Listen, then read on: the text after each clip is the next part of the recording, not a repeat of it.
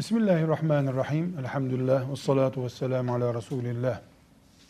Resulullah sallallahu aleyhi ve sellem Efendimizin bir hadis-i şerifinden yola çıkarak Kur'an adamı olmanın bu ümmetin içinde ne anlama geldiğini, hangi değeri taşıdığını vurgulamaya çalıştık.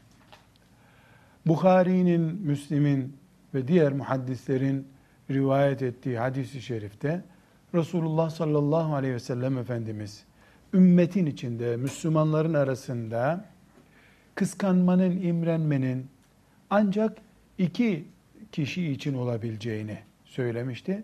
Bunlardan birincisi sabahtan akşama kadar, akşamdan sabaha kadar Kur'an'ın emrinde yaşayan insan, Müslüman. İkincisi de akşamdan sabaha kadar, sabahtan akşama kadar malını Allah yolunda infak eden insan, Müslüman insan diye vurgulamıştık. Bu hadisi şerif bize iki şey tespit ettiriyor. Birincisi bu ümmetin en enerjik nafile boyutu mal ve Kur'an-ı Kerim üzerindedir. Yani Müslümanlar Kur'an ve mal infakı konusunda potansiyel yarış üzerinde olmalıdırlar. Aksi takdirde ümmetin içinde bir donukluk söz konusu olur. Yani insanlar camiye giderler, insanlar hacca giderler, kurban keserler, işte Ramazan-ı Şerif'te mukabele okurlar ama bir yarış söz konusu olmaz. Neden Müslümanlar çocuklarını doğdukları gün besmeleyle, kulağına ezan vererek, akikalar keserek, dualar yaptırarak, işte felak naslar okuyarak büyütüyorlar da iş hayatta bir basamakta basıp yürüyecek zamana gelince Kur'an dışında bir eğitimle eğitim görmelerine gönül kaydırıyorlar. Çünkü Kur'an gıpta edilecek, Kur'an üzerinde yarışların yapılacağı ancak çok gayret edenlerin, çok çalışanların mücadele edip kazanabileceği bir yarış konusu değildir. Maalesef tam aksine Kur'an demek şu okulu kazanamamış, şu ticareti yapamamış, bari işte Kur'an okusun maazallah, maazallah denen bir potansiyel ikinci sınıflık durumunda duruyor Kur'an-ı Kerim.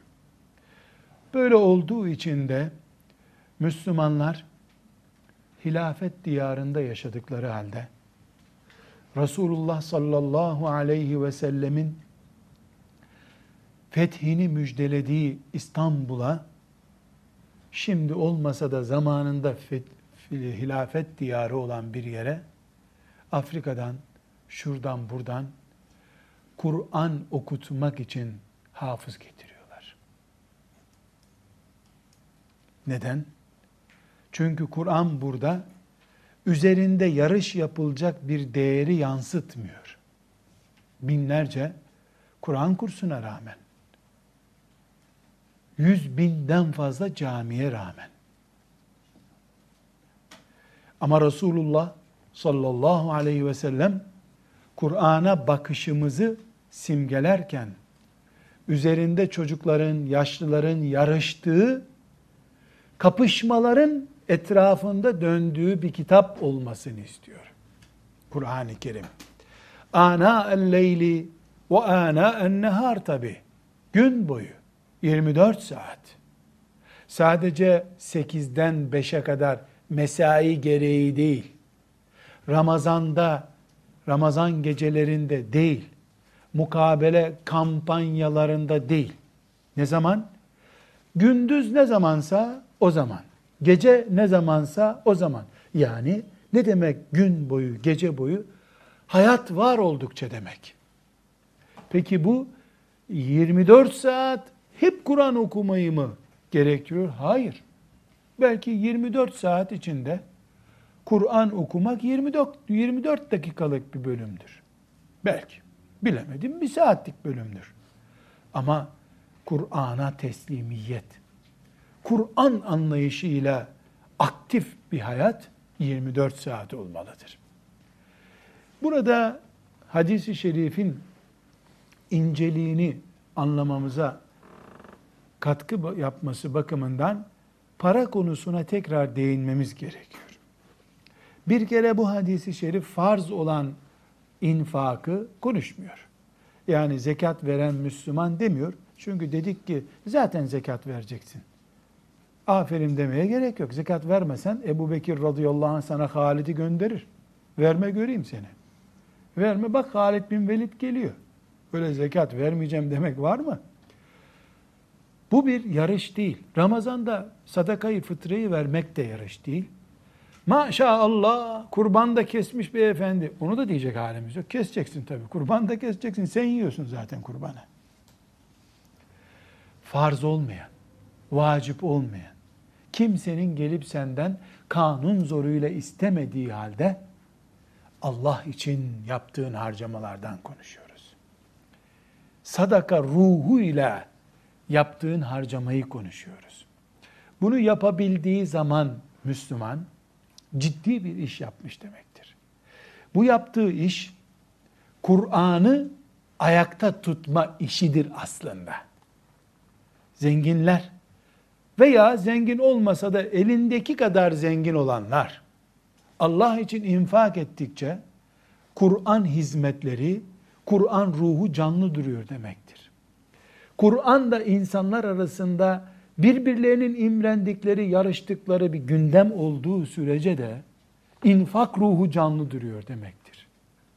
Maddi boyutla maneviyatın, manevi boyutun aslı olan Kur'an, yani para ve Kur'an, Allah için yarışılan şeyler olduğu sürece ümmeti Muhammed her gün bir Ömer çıkaracak güçte demektir.